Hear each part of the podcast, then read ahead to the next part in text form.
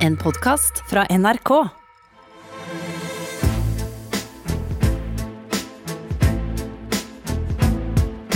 Trump mot verden med Gjermund Eriksen og Sean Henrik Matheson. Welcome, Eli Atty. So super nice of you to say yes to have an interview again. Now the dust have settled. Um, how do you feel about none of, almost none of these Republicans are standing up to this amateur hour? Trump tries to, well, make a coup that he tries to steal. Yeah. election. Yeah. How do you feel about them? Hardly anyone condemning it, apart from Mitch Yeah. Connell and Susan Collins and maybe two more. Yeah, it's shameful and it's uh, appalling, and history is going to be very unkind, I think, to these people for doing this.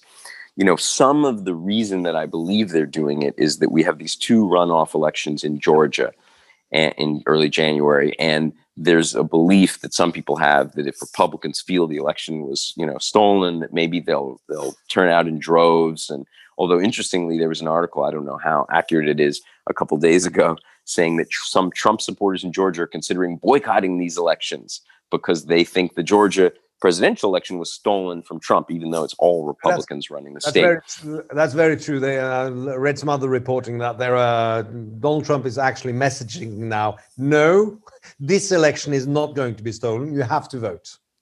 well, you know, I, and I hope they do boycott it. But Yeah. but look, it's it's we've never had anything like this in American history where you have eighty percent of an of a political party's elected officials essentially out of fear, I guess, of Trump claiming something is illegitimate that's completely legitimate. All you have to do is look at the what the judges have said in these cases where the trump campaign has gone to court to try in pennsylvania to simply reverse the certification of joe biden as the winner and the judges have laughed them out of court and basically said you can't just saying something's unfair doesn't mean it's unfair you need evidence you need arguments and you're coming here with nothing and saying oh just to overturn the result of an election But, but let's talk about different choices now, strategically and message-wise. You, as a political nerd, I mean that as a profound, sure profound compliment. i take it as such the the And I appreciate it. expectations. The expectations. Do you think Biden now has the gift of low expectations for showing how a proper government should work, or do you think that he is now uh, in a weak position and this is going to be hard to impress the Americans? It's going to be hard governing, but how is he going to make a an impression the first year? What do you think? I think it's going to be a very difficult year for him, not because of anything he's done or said, but simply because we we have very badly mismanaged the pandemic. I think we have um, done a very mixed to poor job on handling the economic shock that the pandemic has caused. And as you may know, some of the Trump administration officials are trying to undo a lot of the economic programs that help people because they want it to be harder for Biden when he comes in, which is irresponsible and in line with everything they do and the way they seem to function, the Trump administration. So I think, you know, Biden comes in, look, having won the most votes of any president in history, uh, he comes in um, having won a very decisive victory over Trump. I think it'll be something like seven. He'll he'll win the popular vote by something like seven million votes, which is significant in in a very closely kind of uh, polarized uh, electorate. Um, but I think it's going to be hard because look, Trump is really sowing the seeds among a lot of his supporters that this was a stolen election, which of course it wasn't. His arguments are being laughed out of every court in America. Um, it's it's basically the worst record of legal challenges, you know, ever. Um, and um, but there are going to be a lot of people not not rooting for Biden and not believing Biden, and he's going to have to restore. He's going to have to turn around the economy, manage the pandemic, and also you know do it in in a country where there's a lot of skepticism about science. All of a sudden, all of a sudden. But uh, if we look at it as a communication strategy, strategy, should he try to uh, a bipartisan approach and reach across the aisle uh, in some kind of? I really try to get along with Republicans kind of posture, or should he fight more? Uh, or is there a way of doing both? You have to do both because you know somebody like Mitch McConnell, I think, has occasionally over the years made deals with Joe Biden when Obama was president, in particular, um, and some Democrats, but but has often just decided he was going to be obstructionist. He held up hundreds of federal judges under Obama for no reason at all, other than he didn't want judges that he didn't pick. And um, so I think we need a healing tone in this country. We need a president who speaks about bipartisanship and speaks about unity and means it. But if they are, we can't just lay down and let them walk all over us.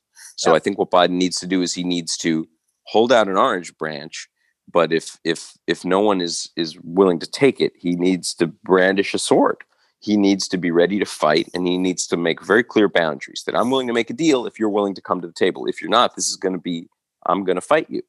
You know you need i think in politics you need carrots and sticks.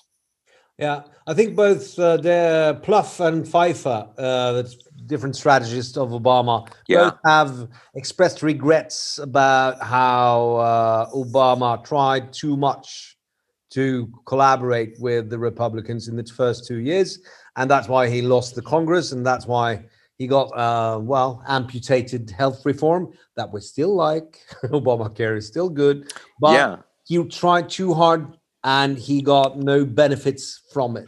Uh, and they've the fear they well they're easy to express fear in august. Uh, i haven't heard what their opinion number is about this, this the last weeks but do you think biden should have them the republicans on a short leash and really well act urgently if they go into a non-compromising uh, approach?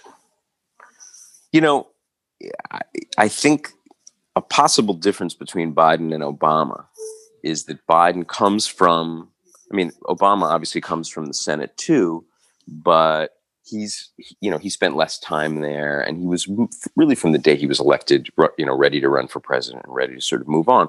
I think that Biden is somebody who really knows the legislative process, relishes it, knows how to make deals. I think knows how to make threats in a legislative context and and stands a better chance Biden didn't like that process. I mean, I'm sorry, Obama didn't like that process. I think for whatever reason, and it's not a very dignified process.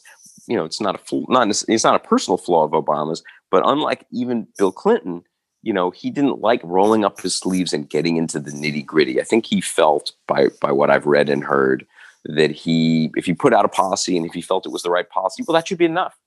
Mm. Why do I have to go down there and have coffee with these senators and try to twist their arms? i have told them what I want, and what why do I have to repeat myself?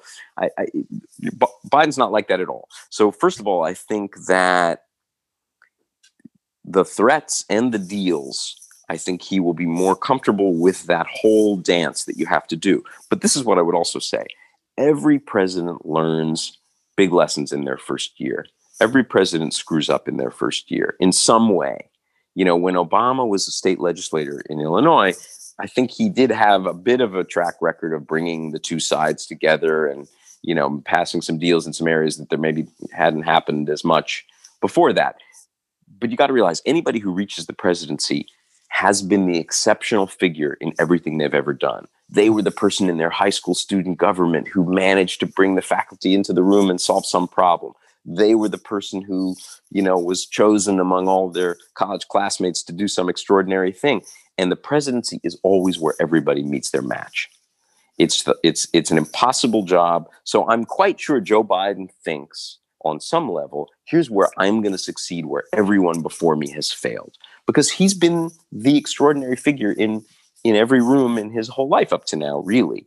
You know even though he hasn't reached the presidency he's tried a couple times before. So my point is he may think he's going to have more bipartisanship and that he's the guy who can actually bring McConnell to the table and sit him down. I mean, he's probably not that naive, but but I'm sure you know it's easy for you know Plouffe and Pfeiffer to look back and say, "I wish we'd done things differently," but you have to go through the mistakes sometimes to learn. So I think we're going to see that, and I'll bet you one of the mistakes Biden will make is that he will he will put too much faith in Senate Republicans in the beginning because he's known them for years, and he thinks, well, okay, yes, I saw you on you know Fox News six months ago, but it, now it's me and you in a room. It's me, Joe. Let's just do this. Two nerdy questions towards the end. Uh, one being Obama. One of his other because we we talk so much positive about him in our pods, we have to find the negative ones and talk about them. But he was not very good at building, uh, building and nourishing the his Democratic Party. He was, according yeah, to yeah I think that's fair. Tired of that. How should Obama, Biden not do the same mistake? Because 2022 will be extremely important, and yeah. 2024 will be extremely important, even without Biden. I think that I admire Barack Obama enormously and was a big supporter of his and uh, have a lot of friends who worked for him. But it's true, he was not that interested in. I don't know if he wasn't interested in party building. He didn't put a lot of personal effort into party building, and he also didn't put a lot of personal effort into legislative wrangling. Hmm. Um, you know, Joe Biden was a senator and was then a vice president. I don't know if he's been in as much of a position to party build as this, but he loves that process and he loves schmoozing and he loves working people and he doesn't mind doing things over and over again.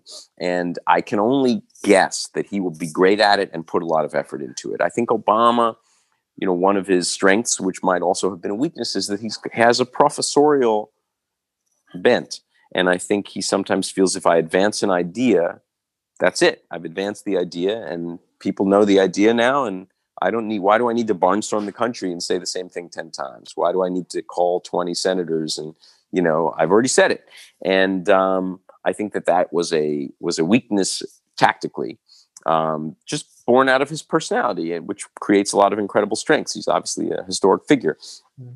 So, you know, my hope is that, that, that Biden will do that kind of politicking and do that kind of party building. And um, you're right, we need it. And I hope we win both these Senate runoffs in Georgia. But if not, we we need to win seats in 22.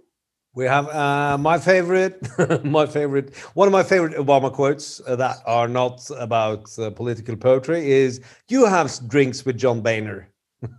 yeah, well, sure, but you know, this is the thing about Biden which is that his history shows he loves that stuff. Yeah. He would love to have drinks with John Boehner.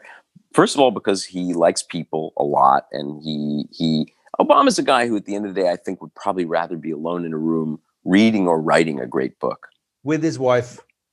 Yeah, for sure. But but Biden is a guy who would love to be in a room with a senator trying to get their vote. He just loves the process. He loves mixing it up. He loves convincing people. He has a touch of LBJ in him in that sense. Yeah, yeah. You know, he comes from, from that process. So I just think he would say, "Let me at John Boehner because I may be the guy who can crack him." He might be wrong, and he might come away from that, that drink very unhappy. But I just think he's going to roll up his sleeves. He's going to do this with relish and energy mm. and a sense of fun.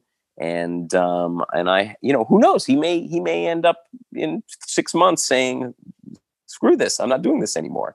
Okay. But I, I think he's going to try hard. Because I believe that making politics more interesting is a key part of a politic, a politician's job. And by doing so, they actually do a great job for the society. What's the best, uh, most inspirational books about political messaging, or if you have any good courses that you know of, whatever? Uh, what's the most no, inspirational I, way of approaching apart from watching? Yeah.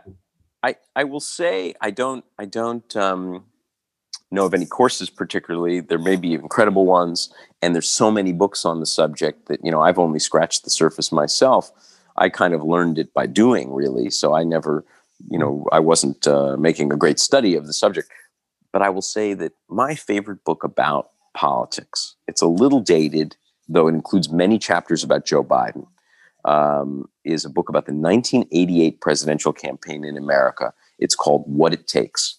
It's written by a guy named Richard Ben Cramer, and it, it he followed six presidential candidates that year, um, and just wrote about their lives, wrote about their campaigns, wrote about the personalities around them, and I think was a brilliant, brilliant writer who really understood how to get under the skin of everybody he wrote about. And if you want to learn what it feels like to be involved with politics, with presidential campaigns, with politicians, there hasn't been a better book since, I believe, even though it's 25 years old. Thank you. That was uh, an amazing recommendation, and I will find it and I will read it. Uh, Eli Attie, thank you so much for meeting us, Norwegians. Oh, Jerry, it's always a pleasure.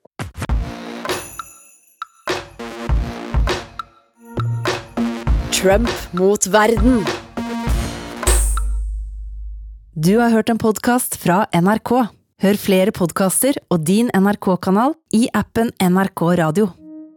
Hvordan forklarer en mann at han har slått kona si i alle år?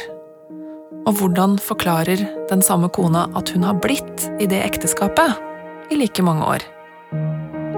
Dette skal vi dykke ned i neste uke her i Mellom oss. Jeg heter Anne Dorte Lunås og har laget dokumentarserien En helt vanlig familie. For det var det de så ut som. En helt vanlig familie som bodde i det fineste strøket i det fineste huset. Ingvild vokste opp her, og dette er hennes fortelling. Vi får bli med når hun for første gang, som voksen, konfronterer foreldrene sine med hvordan det var å vokse opp i et voldelig hjem. Hør En helt vanlig familie her i Mellom oss 9. desember.